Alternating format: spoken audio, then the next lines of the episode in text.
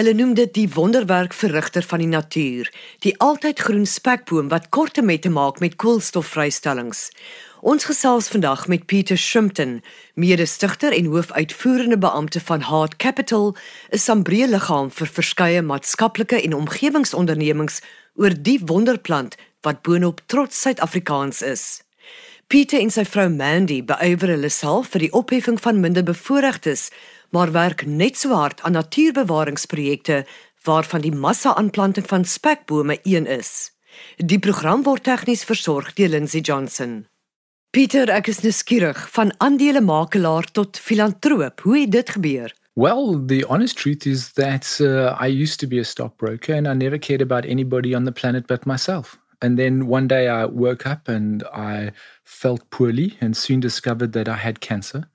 And I got very, very sick. And I looked at my life and I realized that I'd never done anything for anybody else on the planet but myself. I spent all of my time pursuing my own personal ambitions and if I died, the world wouldn't be a better place because I was here. And that really concerned me for a long time. And I was sick for a long time. And on that, I guess I made a bucket list. And my bucket list was that if I didn't die from cancer, that I would dedicate the rest of my life to making a difference on this planet. And uh, that was 20 years ago. And I've been doing it every day since. En as ek mag vra, het jy die stryd teen kanker gewen? I did, yes. Thank you. Sjoe, Pieter, Dis baie inspirerend. En 'n deel van hierdie reis van jou is die spekboom projek wat jy en jou vrou Mandy 4 jaar gelede saam geloods het, Wonder Plant. Vertel ons 'n bietjie daarvan. One of my favorite expressions is a Native American expression that says we don't inherit the earth from our parents, we borrow it from our children. And I've got four children and I love them very much and I want to leave the world a better place for them. And we all know about climate change. We all read the paper and see what's happening on the news. And so I became aware of my carbon footprint that obviously, as a, an individual on this planet at this time, I must be contributing to climate change in some way. And I wanted to do something about that. And I looked at various different approaches. And then I discovered this incredible little plant called a spekboom tree, which we now call a, a wonder plant and the incredible ability that it has to sequester carbon from the atmosphere. And I just totally fell in love with the potential of this project. En julle doel is om 'n miljoen boontjies te plant. Hoe vorder julle? You know, I bought a handful of plants in the beginning and I very quickly realized that they're easy to propagate. You can literally just cut off a little stem and put it into the ground and it'll grow. So I went into the townships and I set up a network and I empowered them to grow little parcels of spekboom trees every year one tree can duplicate about 10 trees. So I'm very pleased to say over the last four years, we're now sitting on 150,000 trees. And with 150,000 trees, our next big propagation would take us past a million trees.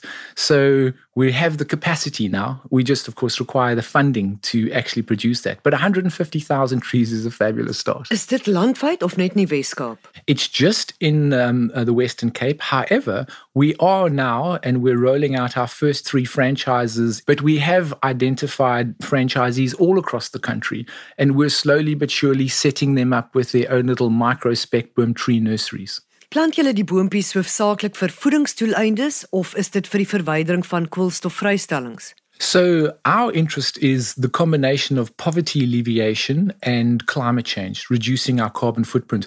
Most people in South Africa are not aware of the fact that we now produce over 600 million tons of CO2 every year. If you imagine that an African elephant weighs about three tons, try to imagine 200 million elephants in your mind.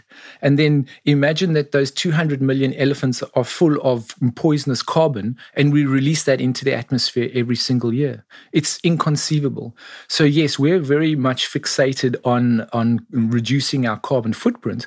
But instead of just growing the trees as a traditional farmer, we recognize this fantastic opportunity to empower previous previously disadvantaged individuals to actually grow the trees for us so that when we purchase the trees from them, well, then they're lifted out of poverty. It is true that there's a nutritional value to the spekboom tree. You, just four leaves a day gives you all the vitamin C that your body needs. But we don't tell any of our franchisees that they can eat the plant because um, we don't want them to eat it. Watse rol gaan die spekboom speel soos klimaatsverandering vererger? Well, we're hopeful. Uh, you know, obviously, if if you look at the size of this problem globally, we put about 24 billion tons of CO2 into the atmosphere globally every single year. So it's extremely ambitious to think a small little tree is going to make a dent in that figure. We calculated that if we wanted to neutralize South Africans' footprint, we would need to plant over a billion spekboom trees, which is a long way from a million well, let's do the million. And, and then we'll set our, our targets a bit higher. But for us, it's not so much just about the fact that one tree sequests 48 kilograms of CO2 every year. It's more about the awareness. I think that's what we are as, as social activists, is really drawing people's attention to the fact that they do have a carbon footprint. If you switch on the lights when you drive your motor vehicle, all of this harms the planet in some way.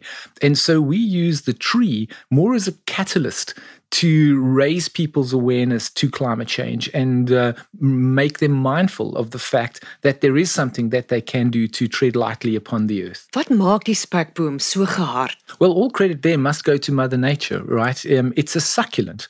And as we all know, plants do take CO2 from the atmosphere and then um, transform it into oxygen.